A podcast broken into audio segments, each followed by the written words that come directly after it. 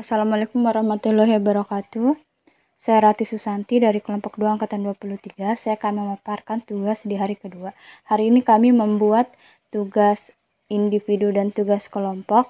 Tugas individunya membuat narasi identifikasi dari isu aktual yang terjadi di instansi dan saya mengambil isu yaitu kurangnya pemahaman guru di bidang IT.